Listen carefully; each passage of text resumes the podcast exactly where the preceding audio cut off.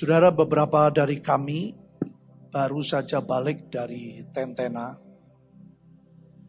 dan kami melihat sesuatu yang luar biasa. Baik di hari pertama, walaupun hujan, tapi mereka anak-anak muda tetap di tengah, tidak bergeming, dan Tuhan melawat mereka luar biasa. Dan hari yang kedua, sesuatu yang ajaib juga terjadi. Sebetulnya saya mendengar waktu itu, siapa yang sudah sembuh silahkan maju ke depan. Siapa yang sudah disembuhkan silahkan maju ke depan. Saudara tahu-tahu apa yang terjadi? Saya lihat di LCD, yang dibawa ke depan tuh orang yang pakai tilam yang digotong yang tidak bisa bergerak ya. Yang tidak bisa jalan tidak bisa berdiri.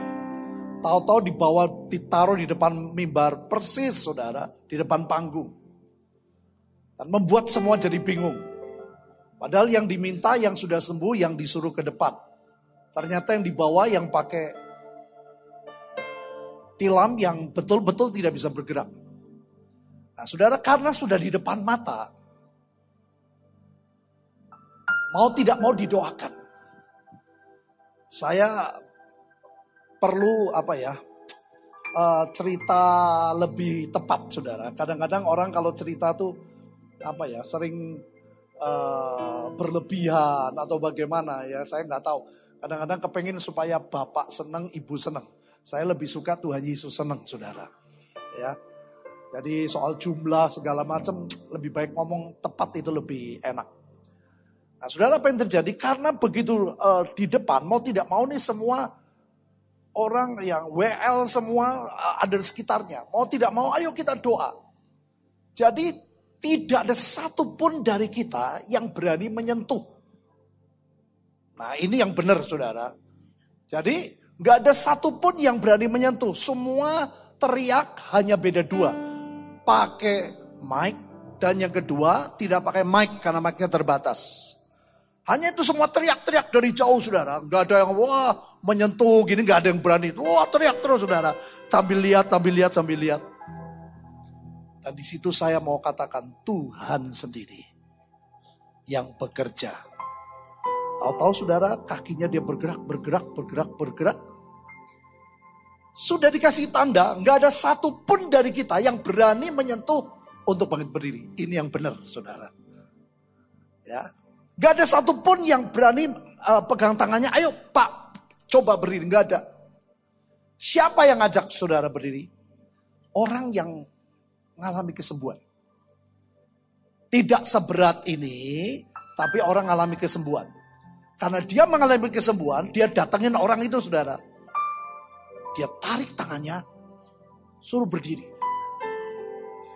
Begitu berdiri saudara, itu kakinya sudah betul loh, kecil. Tapi bisa menapak, bisa berjalan. Nah setelah berjalan baru yang lain. Oh.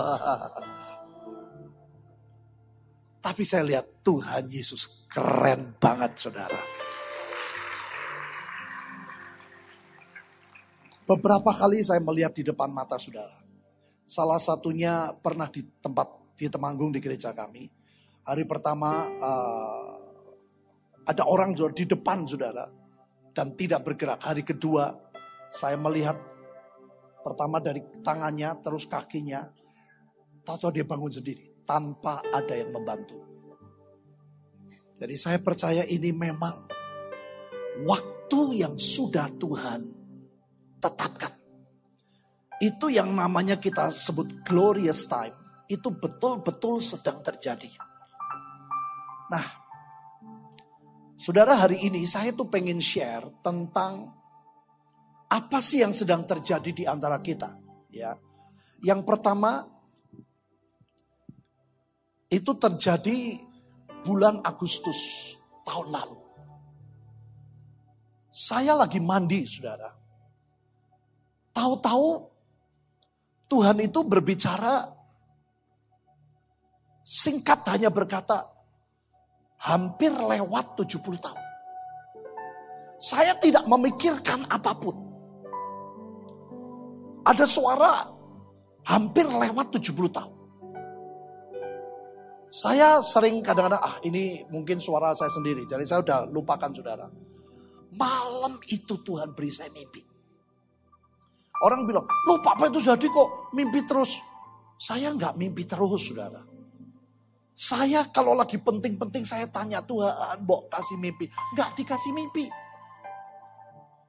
Tapi kadang-kadang saya nggak minta. Itu dalam satu malam bisa tiga kali mimpi, saudara. Jadi saya merasa oh mungkin saya ini apa ya pikirannya yang terlalu kuat sehingga perlu eh, Tuhan sudah bicara waktu saya shower saudara. Saya lagi mandi. Hampir 70 tahun. Le, hampir lewat 70 tahun. Saya iya tapi nggak begitu yakin. Malam itu saudara Tuhan bilang Indonesia lewat 70 tahun. Saya kaget saudara. Dalam mimpi saya tanya Tuhan, apa yang harus aku perbuat? Tuhan bicara begini-begini. Saya akan tunjukkan ayatnya terlebih dulu saudara. Kita lihat Yeremia 29. Ini hal yang pertama ya, yang uh, uh, yang penting yang terjadi dalam kami. Jadi minimal Bapak Ibu Saudara yang di Mahanaim mendengarlah apa yang uh, saya alami sambil tolong cek and recheck ini dari Tuhan atau dari setan ya uh, atau dari diri saya sendiri saudara tolong uh, screen ya saya perlu seperti itu uh, Yeremia 29 ayat yang ke 10 dan 11 Sebab beginilah firman Tuhan apabila telah genap 70 tahun bagi Babel. Barulah aku memperhatikan kamu. Aku akan menepati apa? Janjiku itu kepadamu. Dengan mengembalikan kamu ke tempat ini. Ayat 11. Sebab aku ini mengetahui rancangan-rancangan apa yang ada padaku mengenai kamu. Demikianlah firman Tuhan yaitu rancangan damai sejahtera dan bukan rancangan kecelakaan untuk memberikan kepadamu hari depan yang penuh harapan. Saudara malam itu Tuhan memberikan pengertian bahwa kalau saudara uh, kita saudara punya saudara pakai handphone, saudara pakai uh, provider apa pun, sering kali ada paket ya, ada paket data di mana nanti kalau sudah selesai akan diteruskan otomatis dengan yang normal.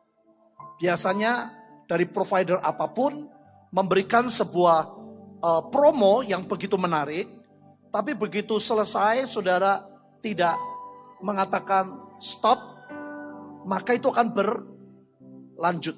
Ya, biasanya menjadi harga normal. Jadi hari-hari itu Tuhan memberikan pengertian bahwa Indonesia 17 Agustus 1945 hari kemerdekaan yang semua kita tahu itu bukan produk sebuah perjanjian antara bangsa Indonesia dengan Tuhan Yesus. Dan kalau itu tidak di stop, maka akan berlangsung bisa lebih jelek, lebih mahal, keadaan selanjutnya. Jadi waktu itu saudara, saya terkejut. Saya bilang, kenapa saya ya yang kasih dikasih tugas seperti ini? Kan saya pekerja, bukan raja, bukan tentara, dan lain sebagainya. Bukan jenderal ya saudara. Saya sampai bingung waktu itu. Kenapa saya yang diberi tugas seperti itu? Terus kami doa dengan eh, istri saya, dengan tim doa tanggal 16 Agustus. Sebelum jam 12 malam saudara. Kami semua naik ke tempat-tempat tinggi. Anak-anak saya mewakili ke Gunung Sumbing, ke Gunung Sindoro, ke Gunung Dieng, tempat uh, apa semua di tempat tinggi. Ada yang di Keraton Jogja. Saya sempat SMS ibuin juga Saya ceritakan saja dengan ringan apa yang saya alami. Dan malam itu saudara, saya betul-betul melihat sebuah tanda yang ajaib. Ada beberapa tanda ajaib yang menunjukkan bahwa itu harus dipotong. Kenapa saudara? Itu sebelum 17 Agustus, kalau Anda lihat di TV, itu ada ada uh, apa ya pembicaraan tentang cerita yang sesungguhnya dulu 17 Agustus gimana. Nah saya persis klik saya lihat, saya dengar saudara. Ada sejarawan ngomong begini.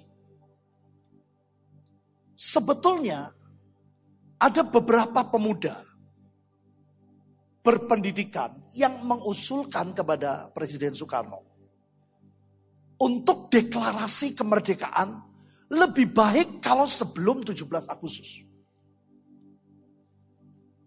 Tetapi cerita singkatnya saudara, Soekarno tetap berkata tidak. Tidak boleh lewat sehari, tidak boleh lebih satu hari. Dan bahkan ini sejarawannya ngomong dia tunjukkan saudara sambil ngomong dia tunjukkan uh, lehernya dia bilang lebih baik aku mati kalau tidak 17 Agustus. Jadi pada waktu saya perhatikan itu, betul apa kata Tuhan? Bahwa 17 Agustus bukan sebuah perjanjian, produk perjanjian bangsa Indonesia dengan Tuhan. Maka Tuhan berkata, putuskan. Dan malam itu saudara, saya di lantai 4, itu betul-betul saya merasa ada sesuatu ya di tangan saya, sesuatu yang saya cabut, saya berasa banget saudara. Saya tidak mengalami pengalaman-pengalaman rohani yang hebat-hebat, tapi saya waktu itu saya ngalami. Betul-betul sesuatu yang saya tarik saudara, tidak mudah. Dan begitu das, saya merasa sebuah satu keadaan yang lepas. Dan saya buang ke jurang maut. Dan hari itu kami berdoa, kami deklarasi,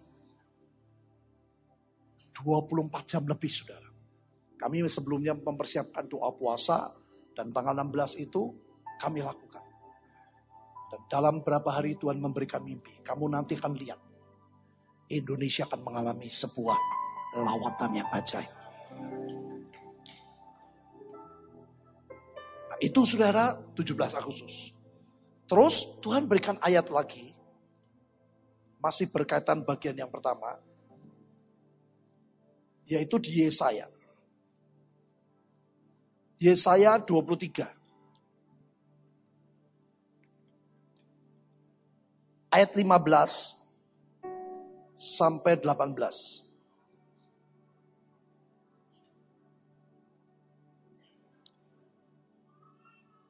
Ya, tadi saya katakan saudara, setelah lewat 70 tahun baru Tuhan perhatikan Babel. Tuhan pulihkan. Tuhan berkata, aku punya rancangan yang ajaib buat Indonesia. Bukan rancangan kecelakaan, tapi rancangan damai sejahtera. Rancangan keselamatan, rancangan lawatan. Makanya dulu saya buat buku kecil, anak bungsu bakal kembali. Saya percaya betul saudara. Yesaya 60 ayat 7 dari pertama kali awal Batra, ayat itu kuat sekali. Nah terus yang ayat yang kedua, Tuhan berikan ayat ini. Pada waktu itu, Tirus akan dilupakan. 70 tahun lamanya. Sama dengan umur seorang raja. Perhatikan kalimat selanjutnya. Sesudah lewat berapa? 70 tahun. Jadi pada waktu Indonesia merdeka dua tahun yang lalu itu 70 tahun. Tapi belum lewat. Alkitab berkata sesudah lewat 70 tahun akan terjadi kepada Tirus seperti terjadi pada perempuan sundal dalam nyanyian ini. Saudara perhatikan di dalam Alkitab, berkali-kali bangsa Israel itu disebut perempuan sundal. Dan gereja, saudara dan saya adalah Israel yang rohani. Artinya apa? Sebetulnya kita tidak layak. Tapi karena lewat 70 tahun, maka terjadi ayat 16. Tuhan berkata, ambillah kecapi. Pertama ambil kecapi, saudara. Kalau saudara perhatikan pada waktu bangsa Israel, mulai mengalami pendidikan di mana Babel menguasai. Alkitab berkata mereka menggantungkan kecapinya di pohon-pohon kandarusa. Mereka tidak kenakan kecapi. Padahal dunia mereka teriak, ayo nyanyikan. Ayo mainkan kecapimu. Tapi mereka menggantungkan kecapi. Dalam Wahyu 15 ayat 2. Orang yang mengalahkan binatang itu. Dia punya kecapi di tangannya. Kecapi Allah harus ada dalam hidupnya. Maka Tuhan berkata, ambillah kecapi. Yang kedua, kelilingi kota. Saudara Tuhan mulai bilang, tiap awal bulan. Kelilingi kota. Dan kami kelilingi saudara. Saya nggak tahu apa yang di apa yang akan terjadi. Pokoknya saya orang yang melakukan apa pun yang Tuhan suruh kami lakukan. Kelilingi kota. Jam 11 malam kami pergi sudah sampai lewat kira-kira jam 1 kelilingi. Tidak ada gang-gang yang kami lewati. Kami terus minta lawatan, kami minta jiwa-jiwa diselamatkan. Kami minta temanggung, berlutut dan mengaku Yesus adalah Tuhan. Jadi ada pasukan mobil, pasukan motor, pasukan sepeda, dan pasukan jalan kaki. Gak ada tempat-tempat yang kita tidak lewati, saudara. Jadi malam itu orang juga bingung ya, orang pada jalan, naik sepeda, naik motor, pokoknya kita melakukan tiap awal bulan. Terus, hai sudal yang dilupakan, petiklah baik-baik, bernyanyilah banyak-banyak. Tuhan mulai ajar kami deklarasi lebih kuat. Sebetulnya deklarasi sudah saya alami sebelum kami di Batra. Tahun 80 pada waktu Tuhan berkata, kamu harus ampuni papamu. Saya bilang, aku nggak bisa. Terus Tuhan bilang, kamu ucapkan di mulutmu. Dalam nama Yesus, aku ampuni papa. Saya ngomong gitu. Saya ngucap berkali-kali. Ternyata sudah pada waktu saya mengatakan, Alkitab berkata iman timbul dari pendengar. Itu suara diubah Tuhan jadi iman. Ucapan saya yang kedua, ucapan saya yang ketiga, keempat, Sekian kali saya menangis waktu itu. Saya ingat kebaikan ayah saya. Sebelumnya yang saya ingat cuma bencinya, kejahatannya. Jadi hari-hari itu kami mendeklarasikan terus menerus. Lebih kuat. Kami buat terus deklarasi yang diperbarui, diperbarui, diperbarui. Supaya engkau diingat orang. Buat kami remanya supaya Tuhan ingat akan perjanjiannya. Nah ayat 17 perhatikan saudara. Dan sesudah lewat 70 tahun. Sekali lagi, dalam sebuah sub perikop dua kali Tuhan berkata, dan sesudah lewat 70 tahun, Tuhan akan memperhatikan Tirus sehingga ia kembali mendapat upah sundalnya dan ia akan bersundal dengan segala kerajaan yang ada di muka bumi. Saudara pada waktu Tuhan berikan ayat ini, Tuhan gambarkan Tirus itu Indonesia. Kenapa? Di zaman dulu, sebuah kota yang disebut kerajaan karena kayanya dan berdagang dengan Daud, saya baca, itu Tirus. Emas ada di Tirus paling banyak di zaman itu. Dan apa bedanya Indonesia, saudara, penuh dengan emas. Bukan cuma Freeport. Bukan cuma di daerah Lombok, NTB. Tapi di Sumatera ditemukan emas yang berlimpah-limpah. Jadi saya tahu ini bicara Indonesia. Setelah lewat 70 tahun. Nah saya kan lewat saudara, ini dari dari 17 Agustus tahun lalu. Waktu terus berjalan. Saya percaya banget saudara. Kalau orang Kristen diam, ini bahaya. Kita harus percaya bahwa apa yang Tuhan janjikan itu ya dan amin. Ini saya baru ceritakan pengalaman terakhir, hal yang yang pertama yang saya alami. Kenapa? Alkitab berkata ia akan kembali mendapat upah sundalnya dan ia akan bersundal dengan segala kerajaan yang ada di muka bumi. Saya percaya Indonesia akan dipulihkan ekonominya. Saya percaya Indonesia akan berdagang. Bisnis itu kayak sundal, saudara. Itu dengan seluruh dunia. Saya nggak tahu bagaimana caranya. Ayat 18. Labanya dan upah sundalnya akan kudus bagi Tuhan. Tidak akan apa? Ditahan atau disimpan. Tetapi dengan labanya itu akan disediakan makanan yang cukup dan pakaian yang indah bagi orang-orang yang diam. Nah, saudara. Mereka semua yang kerja keras. Tetapi Alkitab berkata orang-orang yang diam di hadapan Tuhan yang akan menikmati. Sebetulnya di Alkitab begitu banyak yang dikatakan orang berdosa, mengumpulkan orang benar yang akan membagi-bagi. Itu begitu banyak ayat saudara. Ini gelombang pertama yang saya alami pertama dari sini. Bulan Desember. Saya dalam mimpi melihat saudara sebuah tulisan. Tulisannya apa? Kita akan lihat 1 Korintus pasal 15. Jadi itu terus nyambung.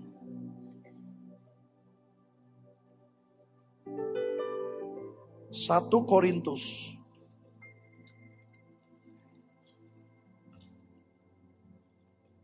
Satu Korintus 15. Kalau saudara perhatikan, ayat yang pertama judulnya kebangkitan Kristus. Ini semua bicara kebangkitan. Ayat yang ke-12 kebangkitan kita. Ayat 35 kebangkitan tubuh. Jadi dalam 1 Korintus 15 itu semua bicara pemulihan, pemulihan, pemulihan, pemulihan seperti yang Tuhan janjikan. Nah, ayat yang saya lihat itu aneh saudara, yaitu ayat yang ke-46. 1 Korintus 15 ayat 46. Yang sudah ketemu baca bersama saya, dua, tiga. Tetapi yang mula-mula datang bukanlah yang rohania, tetapi yang alamiah, kemudian barulah datang yang rohania. Saudara saya melihat tulisan itu. Tidak ada ayatnya, tapi ada tulisan. Saya cari. Oh ternyata di 1 Korintus 15. Firman Tuhan berkata, tetapi yang mula-mula datang bukanlah yang saudara ini aneh sekali. Saya pelajari, saya merenungkan. Kalau Anda lihat di ayat 51. Ini bicara tentang pengangkatan. Sesungguhnya aku menyatakan kepadamu suatu rahasia. Kita tidak akan mati semuanya, tetapi kita semuanya akan apa? diubah menjadi tubuh kemuliaan. Itu sesuatu yang luar biasa. Itu puncak pemulihan kerohanian. Umat Tuhan akan mencapai puncak pemulihan kerohanian. Tetapi Tuhan berkata, yang muncul dulu bukan yang rohania, tapi yang alamiah. Maksudnya apa saudara? Saudara ingat ya, saya selalu berkata dalam hidup manusia ada roh, jiwa, dan tubuh. Sebetulnya Tuhan gak pernah ngomong secara khusus tentang ekonomi. Saya selalu berkata ekonomi adalah bonus. Dan tempatnya harus paling bawah. Rohani harus nomor satu, jiwa nomor dua, tiga jasmani, baru ekonomi yang keempat. Nah kalau saudara perhatikan, dari empat hal ini yang paling jasmani, yang paling alami yang mana? Yang paling alami, yang jasmani yang mana? Eko, ekonomi. Saudara Tuhan mulai beri pengertian. Semua yang kita kerjakan, semua yang kita deklarasikan, semua yang kita lakukan. Yang akan muncul dulu adalah yang alamiah. Maksudnya begini. Secara umum, saudara, saya mau ngomong dua, dua bagian, secara umum dan secara khusus untuk Batra. Secara umum, Orang saudara sulit percaya surga yang gak kelihatan. Orang sulit percaya pengangkatan yang tubuhnya dirubah jadi tubuh kemuliaan. Kalau di dunia saja kita hidup menderita begitu terupa. Kita miskin, seperti tadi kita kebaskan kemiskinan. Kalau kita miskin terus, itu membuat orang sulit percaya kepada surga yang tidak kelihatan. Ini secara umum. Nah secara khusus, Tuhan mau buat kita akan mengalami saudara keuangan yang begitu kuat. Tadi 200 miliar buat saya buat saya saudara pengertian saya itu bukan sesuatu yang besar buat Tuhan. Karena kalau dananya kita nggak dapat, kita sulit melakukan apa pun. Kemarin waktu waktu di wisuda, saya di wisuda, saudara, saya berterima kasih untuk semua mengenai saya sebetulnya nggak pernah mikir, saudara, tidak pernah mikir. Sudah tahun 82 saya sudah pernah ikut sekolah Alkitab di Bandung itu buat saya mumet pusing, saudara. Zaman itu tidak semudah sekarang. Dari 150 itu yang lulus cuma 90-an. Itu sudah buat saya pusing, saudara. Jadi saya nggak pengen jadi ini, enggak, saya nggak. Tapi saya tahu Ibu In yang lain semua punya uh, tujuan baik karena kita tahun-tahun ke depan tidak akan semakin muda. Ya, saya bersyukur kemarin waktu wisuda uh, saya disalamin sama rektornya. Dia tanya pertama, mana namanya Hadi Mulia? Mana Hadi Mulia? Aduh, jangan-jangan aku nggak jadi lulus nih. Saya dicari-cari saudara. Eh, nggak tahu disalamin. Wah luar biasa ya nilainya tertinggi. Wah. Itu baru satu Korintus 2 ayat 9, saudara. Saya dicari-cari, saya pertama takut loh. Saya pikir, wah ini jangan-jangan gak jadi nih. Nah saudara, itu uh, yang khotbah siapa ya? Uh, uh, pokoknya salah satu dosen. Itu menarik sekali, saudara. Saya pikir orang pinter khotbahnya jelek, belum tentu. Ya, STH khotbahnya bagus juga ada. Itu khotbahnya bagus. Dia tentang persiapan. Aduh saya bilang bagus banget. Dan dia bilang dari sekian tanda, tanda-tanda kedatangan Tuhan. Hanya satu yang belum digenapi. Yaitu apa? Injil diberitakan kepada semua orang. Jadi untuk Injil diberitakan ke semua orang. Itu butuh dana. Ngerti gak sudah? Saya kaget. Saya baru ngerti bahwa Tuhan berkata yang muncul dulu, yang akan terjadi dulu adalah yang alam mia. Semua deklarasi, semua yang kita buat. Saudara jangan tolak kalau duit itu datang. Jangan berkata, oh ini jasmani, aku tolak keliru. Sebab kalau duit tidak datang, saudara nggak bisa. Coba berkali-kali lah, coba kita renungin saudara berkali-kali dulu ya, dulu kalau waktu masih ada Bagong, ada Pak Yusak, kita kalau kalau uh, uh, doa itu ada khusus hamba Tuhan. Sekarang kalau doa langsung banyak. Jadi ada banyak hal yang saya nggak bisa cerita, saya umpet-umpet aja lah nanti kapan-kapan sewak, uh, kapan saya ceritakan. Kadang-kadang ada banyak hal yang kami nggak bisa cerita. Kalau dulu kita cuman uh, kelompok sedikit sudah sehingga semua bisa cerita dengan bebas segala yang uh, kita dapat. Berkali-kali setiap acara apa pun selalu mentok di dana. Makanya jangan tolak saudara kalau yang alamiah muncul. Karena yang Tuhan maksudkan adalah keuangan yang akan begitu mudah kau dapat. Nah ini kaitannya dengan Isakar. Nah, saya mau ceritakan supaya saudara tahu karena kadang-kadang di luar begitu. Kemarin saya heran di kota-kota yang bukan keluarga Batra. Malah ngotot minta sama saya sampai minta-minta supaya uh, dibuat seminar. Tapi yang keluarga Batra ngomong gitu. Oh jangan-jangan Isakar itu pekerja. Kita kan bukan pekerja. Saya sampai bingung saudara kadang-kadang. Jadi kadang-kadang ada ya info-info yang seperti itu. Saya bilang, oh saya pusing-pusing amat. Amat aja nggak pusing. Saya orangnya kayak gitu ya, saya memberkati gereja-gereja uh, apa pun dan betul-betul ada tanda-tanda ajaib. Orang-orang yang pebisnis yang yang dulunya saudara ancur-ancuran itu mendadak. Ini sekarang saudara dari Solo sampai telepon terus. Itu gereja yang tidak mudah terima kita. Sampai dia sampai tolong Pak Hadi bisanya kapan? Tolong. Tolong buat seminar ini.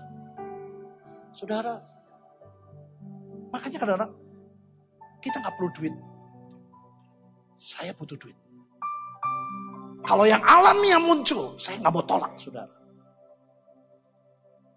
Saya percaya ini adalah sesuatu yang dari Tuhan. Saya baru ngerti kenapa. Kalau itu nggak ditulis, saudara, saya mungkin membaca ayat ini saya cuma lewat. Coba lihat kembali ya, supaya saudara bisa meresapi ayat 46. Tetapi yang mula-mula datang bukanlah yang rohania, tetapi yang alamiah. Kemudian artinya yang alamiah itu untuk mendukung yang rohania. Berkali-kali setiap kita kumpul sudah acara di uh, AIS lah, acara di apa, mau keluar negeri ke bangsa-bangsa. Berkali-kali saya saya kalau kumpul saudara, nama baca saya lebih banyak diam. Saya diam, saya denger renungin. Nanti pulang semua pesan-pesan saya baca, saya renungin. Berkali-kali saya masih ingat juga. Selalu mentok masalah duit. Mau buat apa? Coba di begini-gini. Duitnya kita kurang. Mau ke bangsa-bangsa, duitnya kita masih kurang. Berkali-kali, saudara. Jadi pada waktu Tuhan beri ayat ini sebetulnya ini ayat jawaban. Halo? Ya toh Tuhan berkata aku akan munculkan duit yang kamu butuhkan, aku mau limpahkan begitu rupa. Jadi jangan tolak dulu, sayang. Halo, oh suku Isakar bukan dia pekerja, bukan tentara, bukan raja kita tolak. Eman-eman saudara. Gereja lain itu mengalami saya bisa ceritakan saudara. Ini sampai orang yang ngejar terus. Ayo pak, ayo pak. Nah, saya akan buktikan saudara. Tunjukkan kepada saudara ayat yang sering kita baca. Yoel 2. Bahwa janji Tuhan itu yang jasmani dulu baru rohani. Yoel 2. Yoel pasal 2. Ayat 25. Aku akan memulihkan kepadamu tahun-tahun yang hasilnya dimakan habis oleh belalang pindahan, belalang pelompat, belalang pelahap, belalang pengerip, tentaraku yang besar yang kukirim ke antara kamu. Ini bicara memang tidak bisa tidak. Pemulihan itu caranya dengan doa perang. Setan tidak mudah mengembalikan. Begitu manusia jatuh dalam dosa, Alkitab berkata, dunia ada di bawah kuasa si jahat. Setan berani ngomong sama Tuhan kalau kamu nyembah aku, aku berikan dunia. Itu kan kurang ajar. Sebetulnya semua adalah milik Tuhan. Tapi sekarang masih dipegang mereka. Yang saya katakan saudara. Bendahara yang tidak jujur yang Alkitab katakan. Dipecat. Di akhir dari perumpamaan belum diangkat bendahara baru. Itu sebetulnya sebuah pernyataan Tuhan tentang mentalitas orang Kristen yang belum siap. Nah, sekarang saudara lihat ayat yang ke-26. Kalau 25 itu terjadi, ya pada waktu 82 itu saya uh, sekolah Alkitab di uh, battle di apa di Bandung itu uh, pende, uh, gurunya dosen berkata bahwa kitab Yoel disebut kitab pemulihan Nabi Yoel disebut nabi pemulihan karena di dalamnya berbicara kuat tentang pemulihan. Nah, ayat 26 ini hasilnya. Maka kamu akan makan banyak-banyak dan menjadi apa? Kamu akan memuji-muji nama Tuhan Allahmu yang telah memperlakukan kamu dengan ajaib. Perhatiin saudara, umatku tidak akan menjadi malu lagi untuk selama-lamanya. Saudara renungin ya, orang Kristen kalau malu, kalau aib, paling banyak itu masalah finansial. Yang membuat tetangga saudara tidak percaya Tuhan. Yang membuat sekitar teman-teman kita tidak percaya Tuhan. Kalau mereka melihat ekonomimu amburadul. Maka Alkitab berkata, hikmat orang miskin tidak bisa didengarkan dunia. Jadi saudara, kekayaan ini bukan untuk memperkaya diri. Kekayaan dengan sebuah tujuan, kekayaan untuk keselamatan.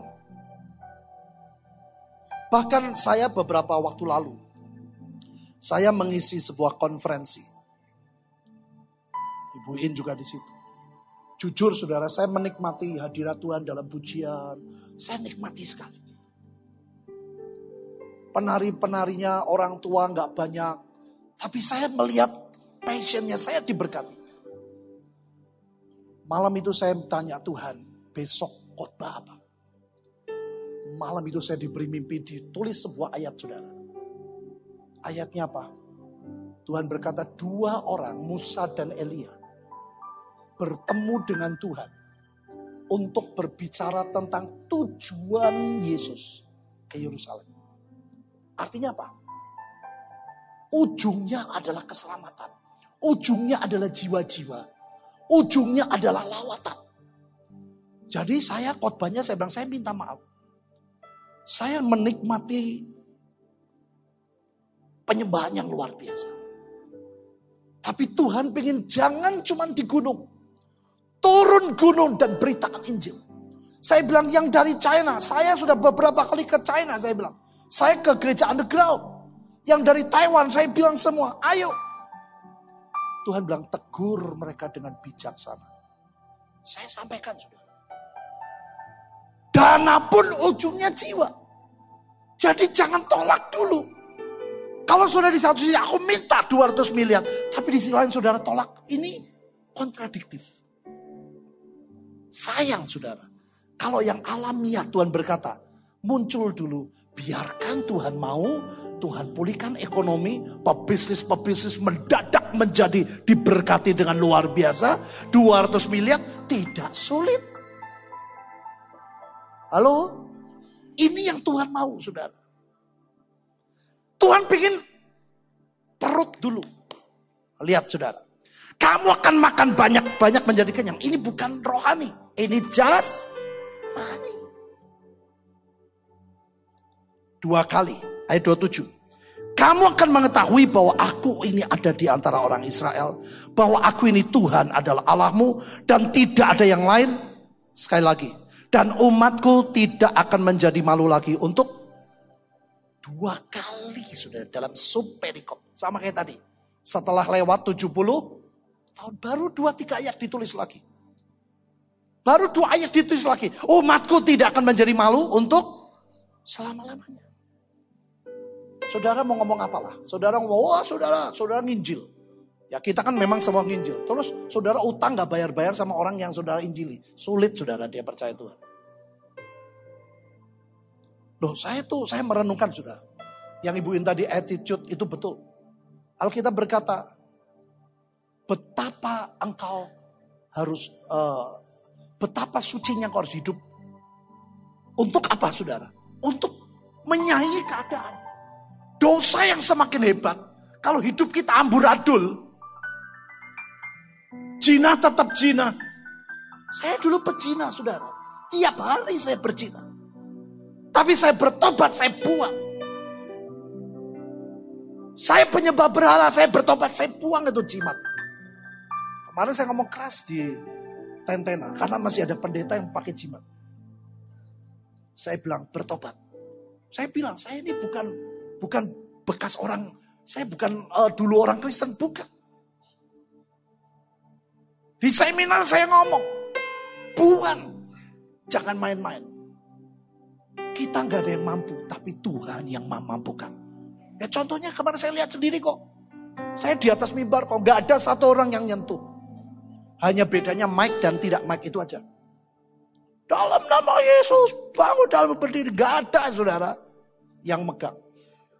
Saya lihat orang yang ngajak naik, bukan orang kita yang ngajak berdiri. Sesungguhnya kita nggak ada yang mampu. Yang mampu cuma Tuhan. Itu saudara. Nah, lihat ayat 28. Ini baru rohani. Jadi yang mana dulu? Ayat 28. Kemudian pada hari itu akan terjadi bahwa aku akan mencurahkan rohku kata semua manusia, maka anak-anakmu laki-laki dan perempuan akan bernubuat, orang-orangmu yang tua akan mendapat mimpi, teruna-terunamu akan mendapat penglihatan-penglihatan. Aku pikir aku sudah tua nih saudara, kok yang tua dapat mimpi. Padahal saya masih muda loh, 30 tahun lebih ini. Ya sudahlah menerima Terumah-terumah akan mendapat penglihatan juga atas hamba-hambamu laki-laki dan perempuan. Akan kucurahkan rohku pada hari-hari itu. Ini tentang lawatan. Penginjilan itu semua perlu urapan Tuhan. Jadi saudara, yang rohani memang kemudian. Yang muncul perut kenyang dulu. Bisa ngerti maksud saya saudara? Secara umum orang kalau susah terus, sulit percaya Tuhan. Sulit percaya surga. Arti yang kedua secara khusus buat kita keluarga Batra. Jangan tolak kalau Tuhan memberkati keuangan buat saudara.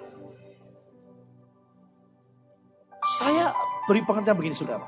Cari dulu kerajaan Allah dan nah sering kali saudara kita mencari kerajaan Allah haus dan laparnya luar biasa. Tapi mengaplikasikan dalam kehidupan tiap-tiap hari. Pakai kebenaran diri sendiri. Tidak pakai kebenaran Tuhan. Jadi ternyata saudara yang muncul dulu adalah yang jas, jasmani. Baru setelah itu yang rohani. Baru bicara tentang urapan Tuhan, lawatan Tuhan. Saya sampai ngomong Tuhan, kok yang sembuh kok cuma satu sih. Yang lain-lain kok enggak. Saya kepingin saudara. Seperti di Alkitab berkata. Semua orang disembuhkan saya kepingin lihat masa itu pasti tidak, pasti tiba. Tidak mungkin tidak tiba. Karena apa? Malam itu saudara, belum ada kesembuhan, masih sedikit loh yang datang. Begitu lihat kesembuhan, itu orang saling telepon, saling baru orang datang. Mau tidak mau dunia selalu menuntut fakta. Halo? Yang jasmani, kesembuhan. Yang jasmani, ekonomi saudara dipulihkan. Jadi jangan tolak kalau ekonomi sudah mau dipulihkan Tuhan.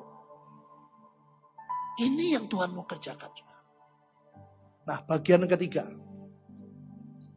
Jam 10. Bagian ketiga itu tentang Israel kemarin sudah. Saya bukan seperti Pak Daniel setahun pengen dua apa dua tiga kali tidak kepikir saudara. Saya Januari berangkat tuh gara-gara apa? tujuh delapan bulan yang lalu saya diberi mimpi Tuhan berkata, kamu mau nggak ulang tahunmu dan ulang tahun pernikahanmu? Aku berikan berkat akhir Israel. Saya sampai nangis loh saudara. Saya bilang Tuhan, aku tuh siapa? Kok ditawarin seperti itu? Saya mau. Pergilah saya Januari. 18 Januari saya di uh, puncak gunung. Saya pikir 26 itu pernikahan saya. Nggak jadi saudara karena tanggalnya waktu itu sebelum itu selesai dari saya. Saya diem. Tahu-tahu ada beberapa teman dari Australia sekarang. Pak, ayo Pak temenin Pak mampir dulu ke Dubai. Karena ada big sale. Saudara selalu tuh orang ibu-ibu kayak gitulah. Itu tembok ratapan para pria saudara ya. Saya tuh, saya, saudara tahu saya kalau doa perang kemarin saudara yang ikut ikut ke uh, apa Petra, sudah tahu saya naik jalan, pokoknya udara dingin ya. Saya nggak pernah capek tuh. Tapi kalau ke mall, 5 menit saya cari tempat duduk. Bener saudara, karena bukan habitatnya. Saya kalau ke mall, aduh, 10 menit penderitaan buat saya. Saya ke Petra, saya terus jalan sampai selesai. Balik, saya nggak capek. Kalau saya doa perang asal tidak panas, saya nggak pernah capek. Jangan kayak dulu waktu di China. Waduh, itu bulan Juni. Wana saya bukan main, tanya ibuin. Gimana? Belum selesai. Oh haleluya. Ini kepahitannya belum hilang saudara.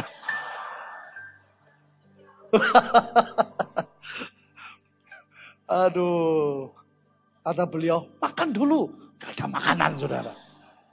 Wah itu berat, saya sampai meler sudah. Keluar terus saya. Uh, apa bersin-bersin. Aduh itu berat sekali. Tapi kalau dingin, wah itu saya jalan terus. Makanya waktu naik gunung, begitu naik tambah dingin, ah itu saya mulai kuat. Awalnya saya nggak kuat, tahun mulai udara dingin saya kuat. Nah saudara, itu yang uh, saya ceritakan tadi. Bahwa Tuhan punya cara yang tidak seperti kita punya cara. Ini yang saudara dan saya harus waspadai. Nah, yang ketiga bagian ketiga. Saya baru balik saudara dari saya kalau ke Israel sama China dua tempat tuh paling Israel saya suka karena saya melihat membaca Alkitab secara visual. Setiap saya berangkat selalu Tuhan berkata, anggap belum pernah datang ke tempat itu. Nanti aku bicara banyak. Kalau orang, oh aku sudah pernah ke sini, oh aku sudah pernah ke sini, saudara Tuhan nggak bisa bicara. Sama baca Alkitab kan begitu. Aku sudah baca, oh sudah baca, Tuhan nggak bisa bicara. Itu membuat saya dua, uh, China sama Israel buat saya soal makanan. Nah, saya pikir Tuhan Yesus nggak lama di Israel. Coba kalau makanannya enak, bisa lebih lama saya pikir saudara. Saya di Israel, saya dibantu dengan banyak makanan saudara. Tanggal 20, uh, 26 itu ajaib. Ternyata karena mundur 26 jam 2 itu kami baru pulang dari uh, Abu Dhabi. Jadi betul-betul Tuhan menggenapi 18 ulang tahun dan ulang tahun pernikahan saya. 26 sampai Indonesia, saya nginep di uh, Bekasi di hotel apa namanya saya nggak tahu di mall. Terus saya di, di jamu makan sama Ibu Panglima. Waduh itu enak sekali. Dan hari itu saya capek saya tidur saudara. Jam 3 pagi. Saya mimpi. Di dalam mimpi Tuhan berkata kamu mau gak? Pimpin perang di Harmagedon. Karena roh raja-raja dunia di situ dan kalau kamu go, itu nanti kekayaan bangsa-bangsa akan berpindah kepadamu. Akan berpindah kepada Bahtera. Akan berpindah dari dunia kepada kita. Saya kaget saudara. Saya dalam mimpi saya sadar loh saya baru nginjek Indonesia. Saya bilang Tuhan baru saja nyampe Indonesia. Saya ngomong begitu. Tapi Tuhan tahu saya tidak menolak saudara. Cuman saya ngomong baru saja saya menginjak, menginjak Indonesia. Tuhan berikan ayatnya. Kita lihat kitab Wahyu. Wahyu 16. Ayat 12. Dan malaikat yang keenam menumpahkan cawanya ke atas sungai yang besar, sungai Efrat lalu keringlah airnya. Supaya siaplah jalan bagi raja-raja yang datang dari sebelah timur. Ini buat saya rema. Saya kenapa ngimpinya kok di Bekasi. Ternyata saya dibantu oleh pebisnis-pebisnis. Raja-raja dari timur. Ibu Lisa dan kawan-kawan. Ayat 13. Dan aku melihat dari mulut naga dan dari mulut binatang dan dari mulut nabi palsu itu keluar tiga roh najis yang menyerupai katak. Itulah roh-roh setan yang mengadakan perbuatan-perbuatan ajaib. Jadi dunia itu pegang kekayaan semua dengan kontrol mereka. Dan mereka pergi mendapatkan raja-raja di seluruh dunia untuk mengumpulkan mereka guna peperangan pada hari besar, yaitu pada hari Allah yang Maha Kuasa. Ayat 15 itu aneh. Ayat ini tidak nyambung, tahu-tahu Tuhan berkata, lihatlah, aku datang seperti pencuri. Berbahagialah dia yang berjaga-jaga, yang memperhatikan pakaiannya, supaya ia jangan berjalan dengan telanjang, dan jangan kelihatan kemaluannya. Jadi apa yang kita perangi, kita mesti lihat diri kita. Ini bicara legalitas. Ayat 16. Lalu ia mengumpulkan mereka di tempat yang dalam bahasa Ibrani disebut apa saudara? Armageddon. Jadi saya mulai pelajari, saya tanya saudara saya yang uh, ambil S2 di Hebrew University, saya banyak uh, dapat masukan dan lain sebagainya. Terus saya ingat tahun 80. Pernah ada seminar Harmagedon di Semarang. Tahun 1980, ada yang datang nggak waktu itu? Belum lahir. Saudara itu menarik sekali. Pendeta-pendeta dari luar negeri waktu di Amerika semua tentang Armageddon. Waktu itu belum Rusia. Uh, belum Rusia namanya Uni Soviet. Jadi dijelaskan sudah, wah kan perang dunia ketiga itu di Harmagedon. Harmagedon adalah lembah Israel yang begitu besar. Itu lembah uh, apa namanya uh, daerah yang paling subur di seluruh Israel. Saya ingat sekali saudara. Cuman kami waktu masih muda-muda, saya lagi kuliah di di apa namanya di Jakarta. Saya uh, balik ke, ke ke Semarang saya datang karena dengar ada seminar itu tentang perang-perang dunia. Waktu itu ngomongnya akan perangnya di Armageddon. Jadi Amerika lawan Uni Soviet. Pokoknya sudah cerita gitu. Saya begitu datang ke Israel saudara. Kesekian kali saya bingung. Ini kalau zaman dulu 80 saya masih rada kebayang. Tapi sekarang perangnya pakai nuklir. Apa lempar-lemparan nuklir ya di Armageddon. Saya pikir gak begitu. Saudara ternyata apa yang Tuhan katakan.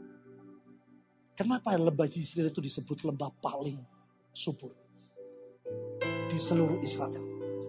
Itu bicara tentang kekayaan bangsa-bangsa. Itu yang diperebutkan oleh dunia.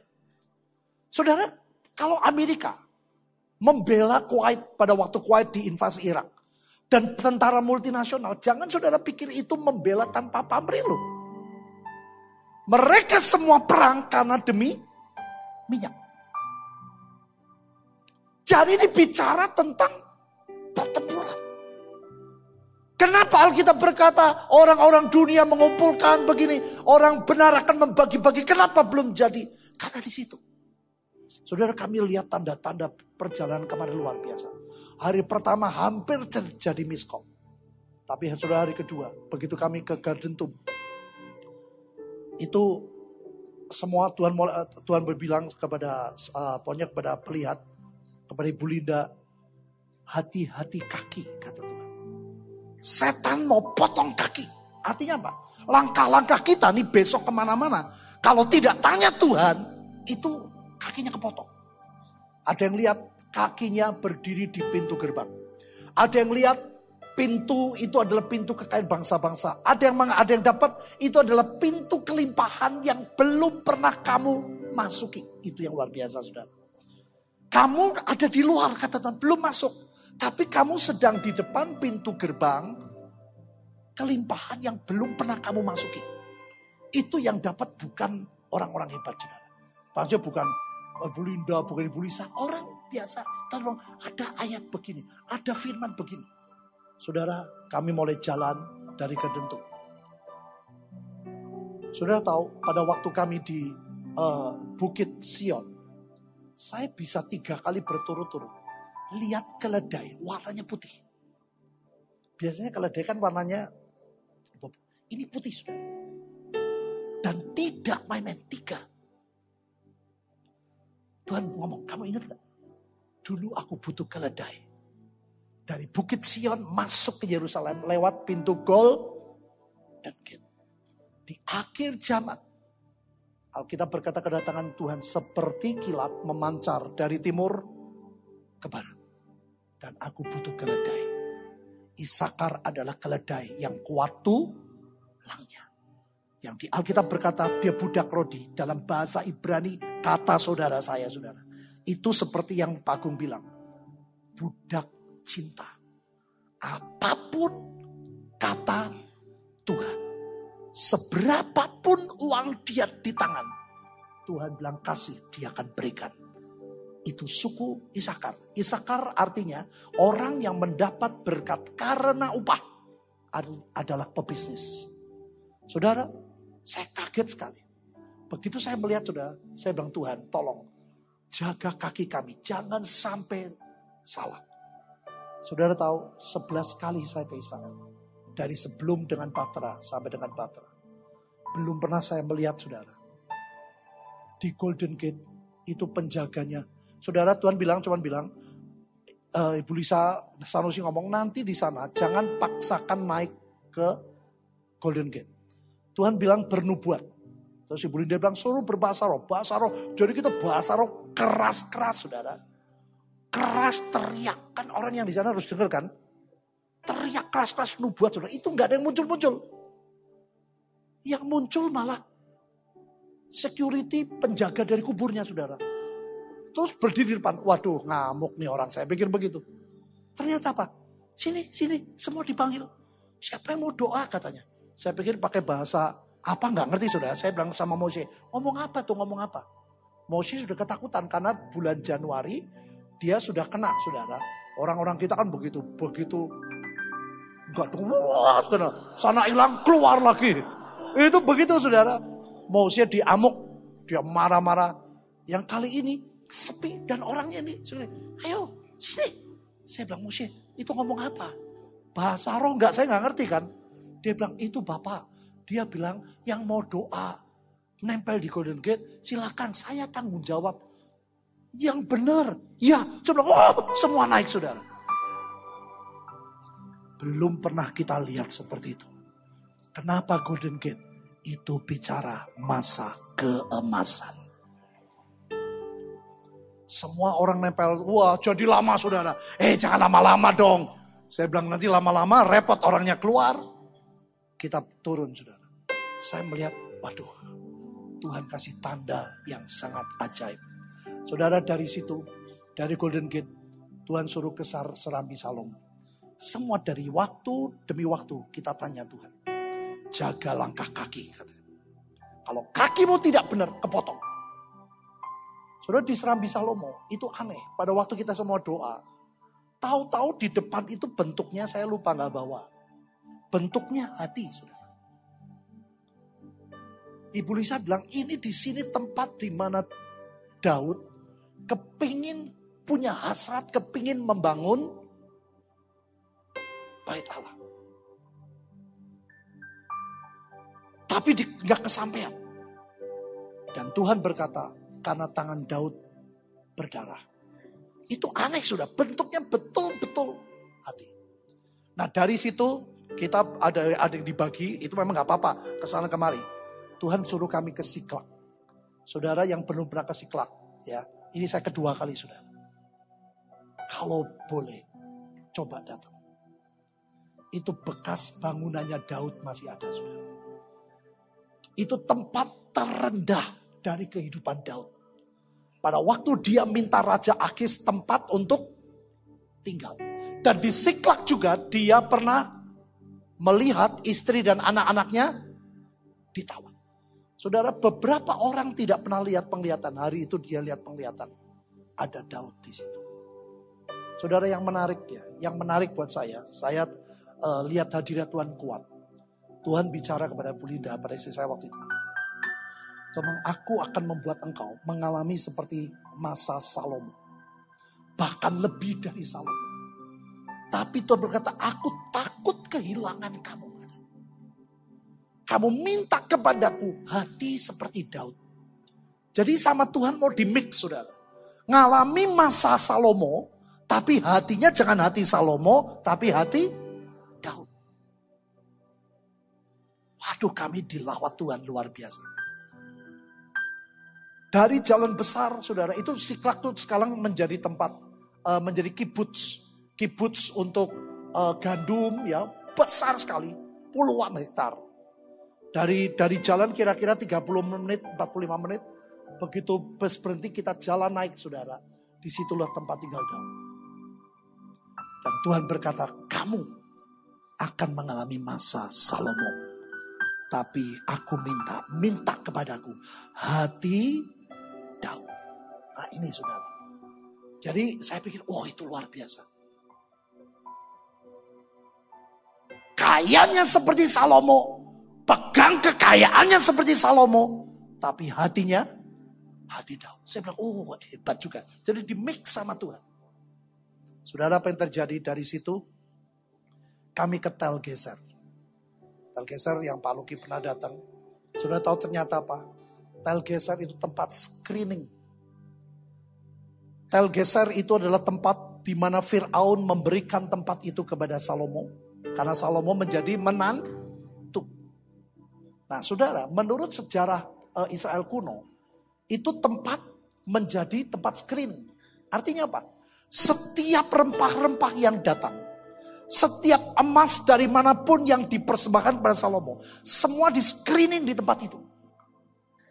Bekas-bekasnya masih ada, saudara. Jadi mereka semua menjaga raja, jangan dikena racun, jangan dibohongin, semua di screening. Makanya Tuhan tuh aneh, jangan rebut kekayaan di istana Salomo.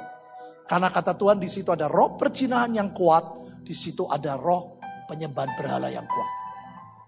Tapi di geser. Dan kami semua doa di situ. Dan kami, saudara itu ada bekas pintunya. Jadi tempat pintu gerbangnya itu masih ada. Dan anehnya Israel baru, eh, baru kenapa? Kenapa baru satu tahun diakui oleh dunia? Sebelumnya belum diakui oleh dunia bahwa itu adalah Telgeser. Setelah diakui oleh dunia, baru tempat itu menjadi tempat terbuka. Satu tahun uh, yang lalu baru dibuka. Saudara kami melihat, oh ini adalah sebuah keajaiban demi keajaiban. Terus Tuhan suruh kami perang di perang di Tuhan ngomong waktu mimpi saya di Bekasi, Tuhan cuma bilang perangnya nanti pas Purim. Karena aku yang berperang ganti kamu. Saya pada waktu ngomong Purim, saya pikir Purim itu Oktober, November, September. Pada waktu saya tanya tanya orang saya, Purim kapan sih? Purim kapan sih? 11, 12 Maret. Saya kaget saudara. Hah? Saya baru datang 26 Januari, berarti saya mesti pergi lagi. Jadi tanggal saya terus renungkan saudara. Tanggal 5 saya khotbah, saya umumin. Tanggal 6 saya tutup. Orang bilang ini Pak Petrus guyonan ini. Tanggal 5 saya buka, ayo ke Israel. Tanggal 6 senenya ditutup. Saudara banyak orang marah. Saudara hari itu daftar berapa? 270 orang lebih. Sampai bingung. Uh, Ibu Lisa dari Eklesia bingung, saya bilang gini aja. Uh, dialihkan ke Pak Daniel. Karena Pak Daniel juga ke Israel bulan Maret ini. Jadi semua kita atur karena kita adalah uh, keluarga bahtera sama-sama. Saudara, tapi itu Tuhan luar biasa. Pada waktu tanggal 12 saya baru ingat saudara. 12 Maret adalah ulang tahun dari engkau Yusak. Jadi beliau sudah bayar sangat mahal dan kita Tuhan bilang, kamu perangnya di sana, perang legalitas. Saudara saya melihat sudah langkah demi langkah. Pada waktu kami di Temanggung, tahu istri saya lihat leviatan. Muncul dari air. Dari mana di air? Gak ada lain kecuali danau Galilea. Sampai di sana saudara, Tuhan bicaranya aneh lagi. Kepalanya di atas bukit. Waduh di bukit mana? Diberitahu clue Tuhan. Bentuk uh, gini, gini, gini. Ternyata saudara itu namanya susita. Susita bukan susite ya. Susita itu dalam bahasa uh, bahasa Yunani-nya disebut hipos. Itu kepalanya di situ. Saudara, orang nggak bisa naik. Tuhan berikan firman. Nah, saya tunjukkan saudara ayat terakhir ya, supaya nggak kelamaan. Kita akan buka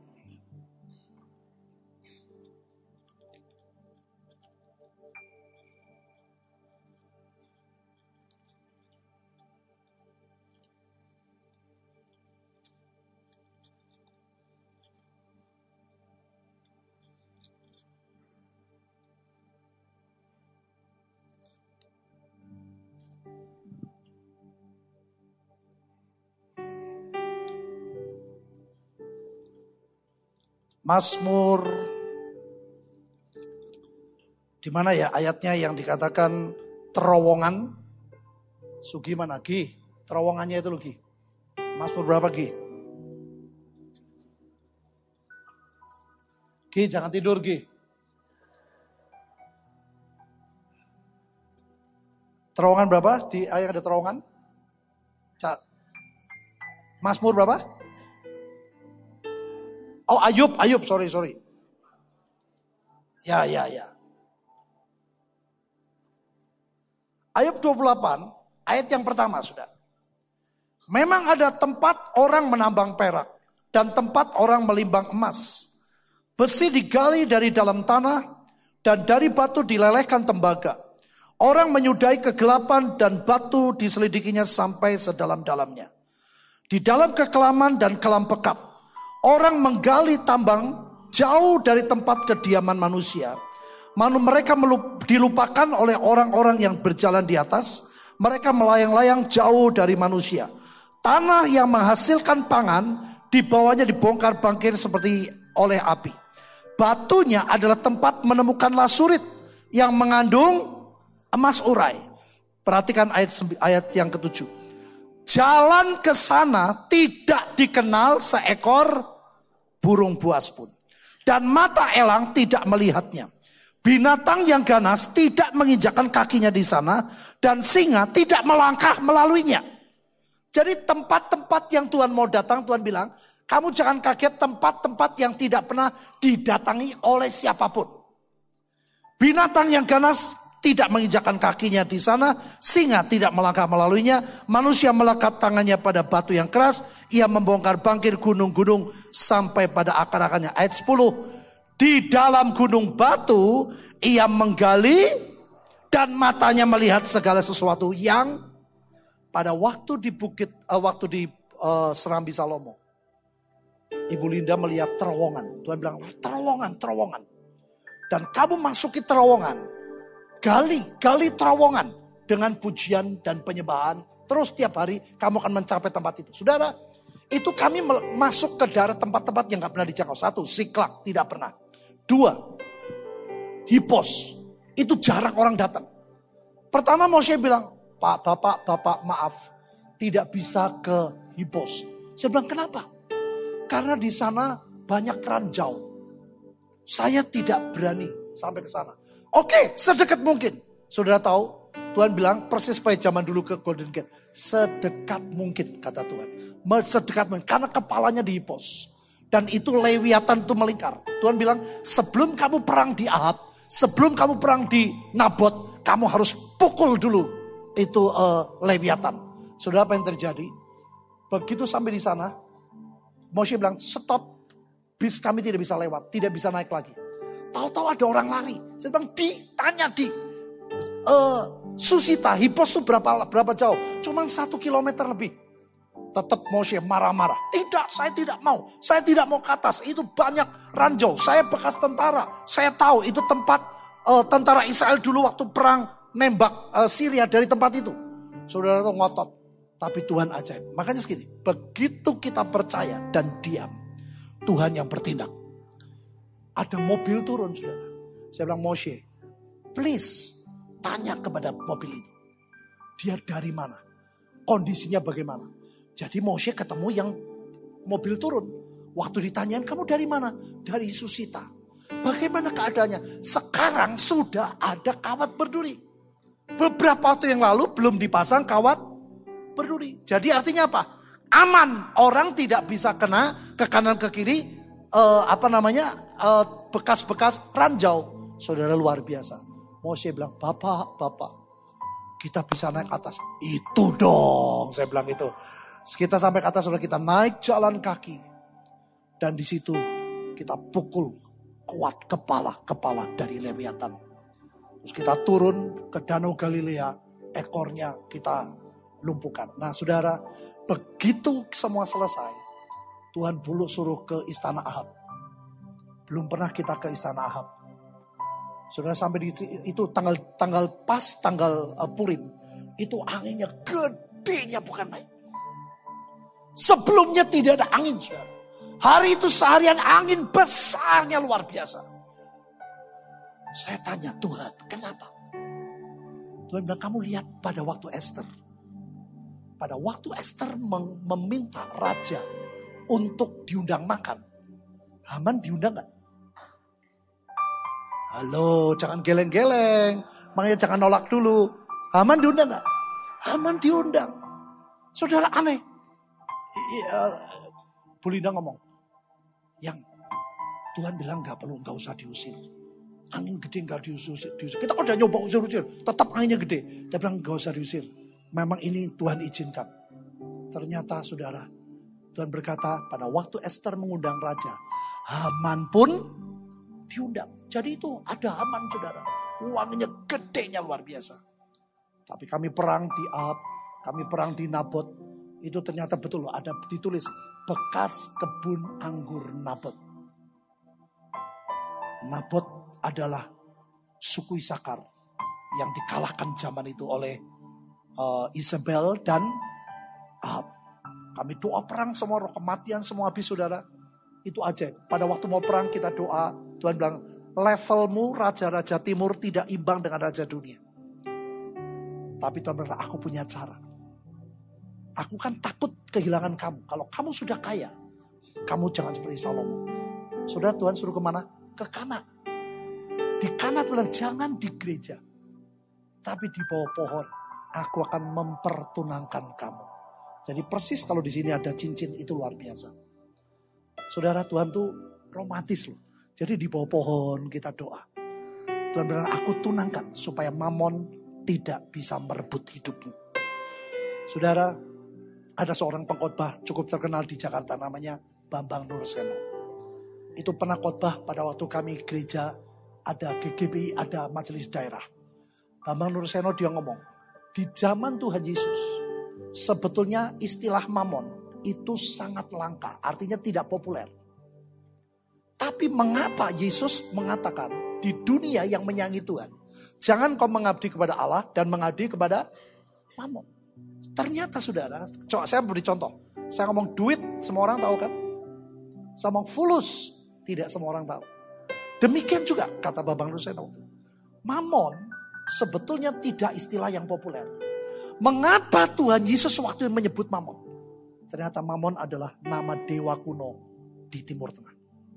Namanya apa? Artinya sama Mamon. Dan dia bisa berbicara. Maka pada waktu Yunus, dia bicara kepada Yunus.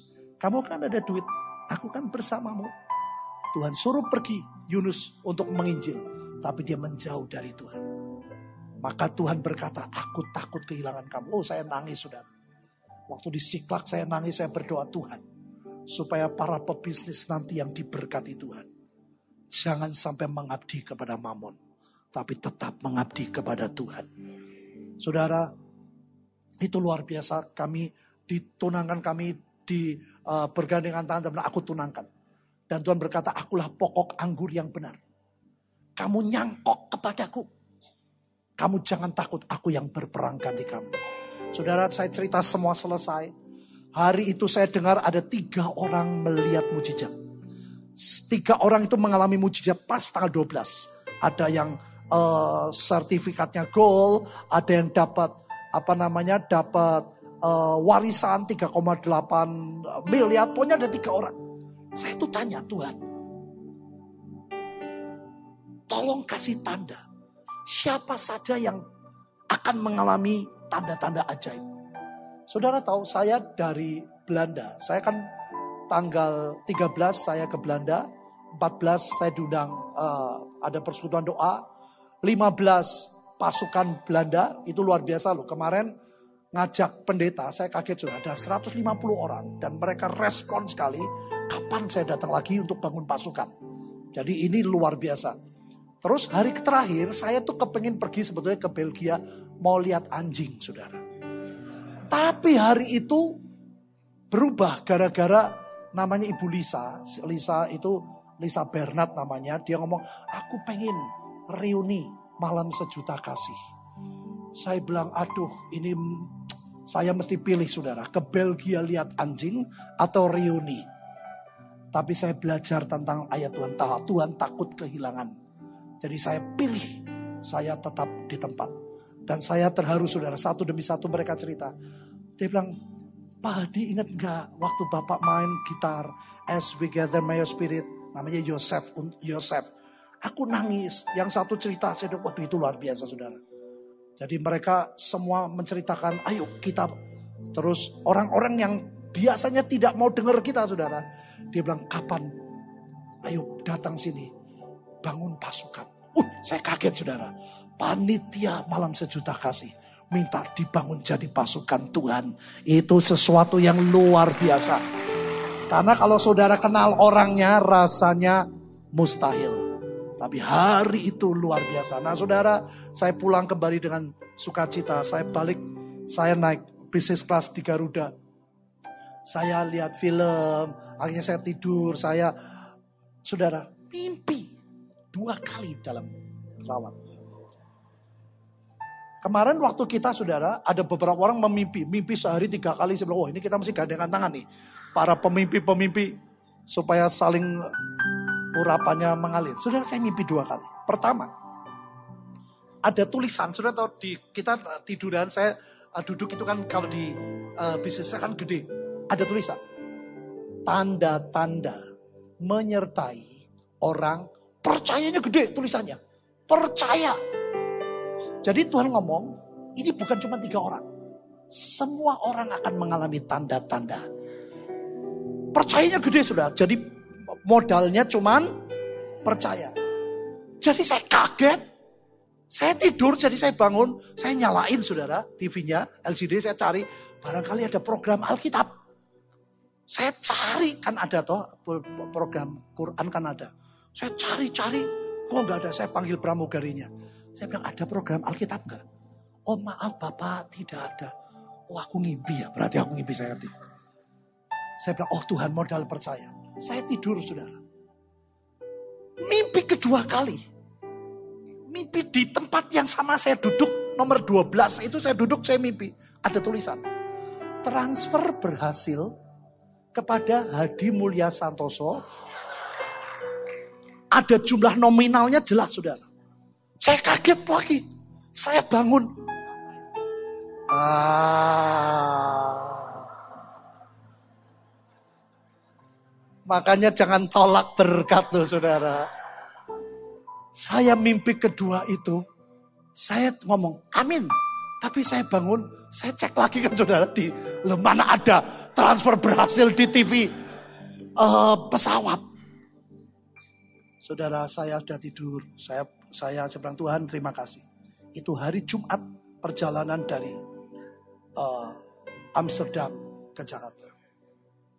Hari Senin saudara, saya pelayanan di Tegal. Karena itu kota kelahiran saya kepingin sekali, saya uh, apa namanya susah kalau sana ada tepekong gak macam. Waduh, saya tuh rindu kota itu dilawat. Padahal Ibu Linda masih batuk. Dia bilang, kamu ikut gak? Terserah saya bilang. Ikutlah, tapi yang penting aku nanti tidur gini-gini. Saudara saya uh, lagi tidur. Ada telepon bunyi. SMS. Transfer berhasil. Dengan jumlah yang persis yang saya lihat di LCD.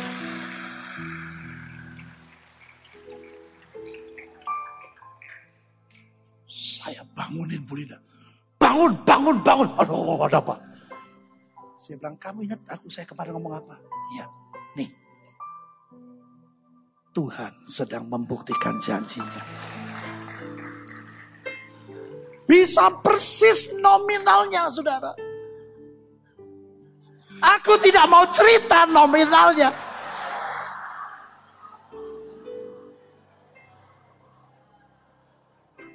Dulu saya diberi mimpi aku kasih dua kilo emas. Berapa hari kejadi? Ini lebih cepat saudara. Dulu seminggu. Ini mimpi jadi kira-kira Jumat tengah malam ya. Jadi Sabtu lah. Hari Senin kejadian. Saya bilang Tuhan kita luar biasa. Makanya jangan tolak jasmani saudara. Kalau Tuhan sedang buat, terimalah yang ajaib. Saya bilang kenapa tidak kurang, tidak lebih. Semuanya tepat. Saya bilang Tuhan, engkau senang guyon juga ya. Ya tuh bercanda kan saudara. Nah itu di layar TV Garuda ya. Saya sampai tanya pertama, ada program Alkitab enggak? Saya tanya pramugarinya, barangkali ada. Maaf Bapak, tidak ada. Di kedua kali Tuhan beri kenyataan. Saya mau beritahu saudara, Tuhan serius. Tuhan serius dengan janjinya. Tuhan serius dengan janjinya.